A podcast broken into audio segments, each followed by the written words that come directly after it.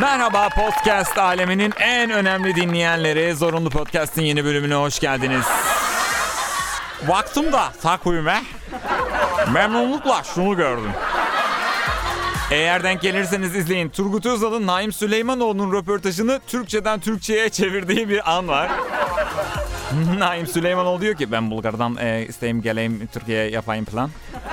Özal da tercüme ediyor diyor ki Türkiye'ye gelmek için plan yapıyormuş. Sonuç itibariyle biz podcastimizin yeni bölümüne başladık. Çok önemli. 12. bölüm dile kolay. 13. bölüme gelmeden diziler yayından kaldırılıyor. Neyse kimse beni kendim istemediğim sürece yayından kaldıramaz. Kimse beni istemediğim sürece yataktan bile kaldıramaz. Öyle bir e, tuhaf bir yanım var.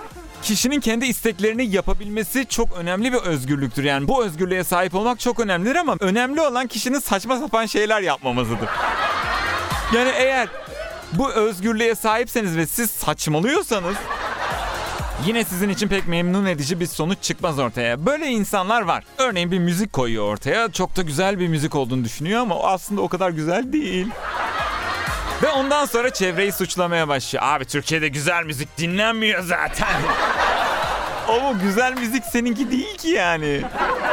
Sonra şeye doğru geliyor. Başka ülkede yaşasaydım ben çok şanssızım abi ya. Bu şeye benziyor biraz. İki arkadaş konuşuyorlar. Yıllar öncesine ait bir hikaye. Ya bu sene de ÖSS'yi kazanamadım. En sonunda yurt dışına gideceğim. İşte böyle böyle beyin göçü oluyor filan. Beyin göçü o değil ki. Beyin çoktan göçmüş. Ama yine tabii kınamamak, eleştirmemek lazım. Hepimizin çoluğu çocuğu var. Bir de bunu anlamıyorum. Hepimizin başka tanıdıkları var diye kimseyi eleştiremeyecek miyiz? Başına gelir. Gülme başına gelir. Belki de gelmez.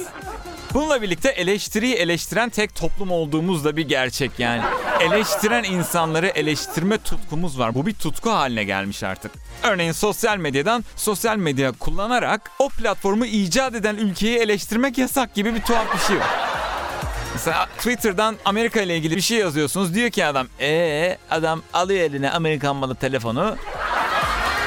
Giriyor Amerikan şirketi Twitter'a oradan eleştiriyor. Nasıl yani? O zaman Türkiye'yi eleştirenler de yoğurt yemesin. Başka icat bulamadım o yüzden. Düşünsene yoğurt tabağını alıyorsun adamın önüne. Türkiye'yi nasıl eleştir? Ya bırak yiyeceğim. Yoğurdumu bırak, yoğurdumu bırak. Abi bu Yunanlılar da hep böyle yapıyor. Hemen ver o baklavayı. Şimdi bayılazayım. Yavaşsa yere bırak o baklavayı.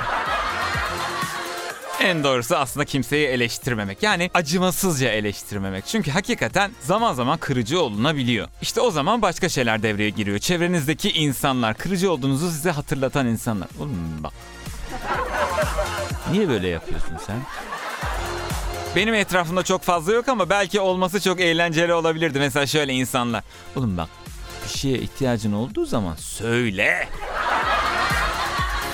Aynı insan da sürekli senden söz alır. Karşım görüşelim, mutlaka görüşelim.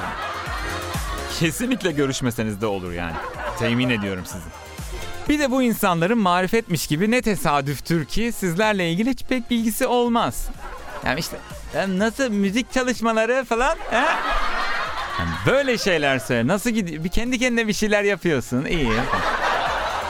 Kesinlikle sana layık olmaya çalışıyorum tüm hayatım boyunca.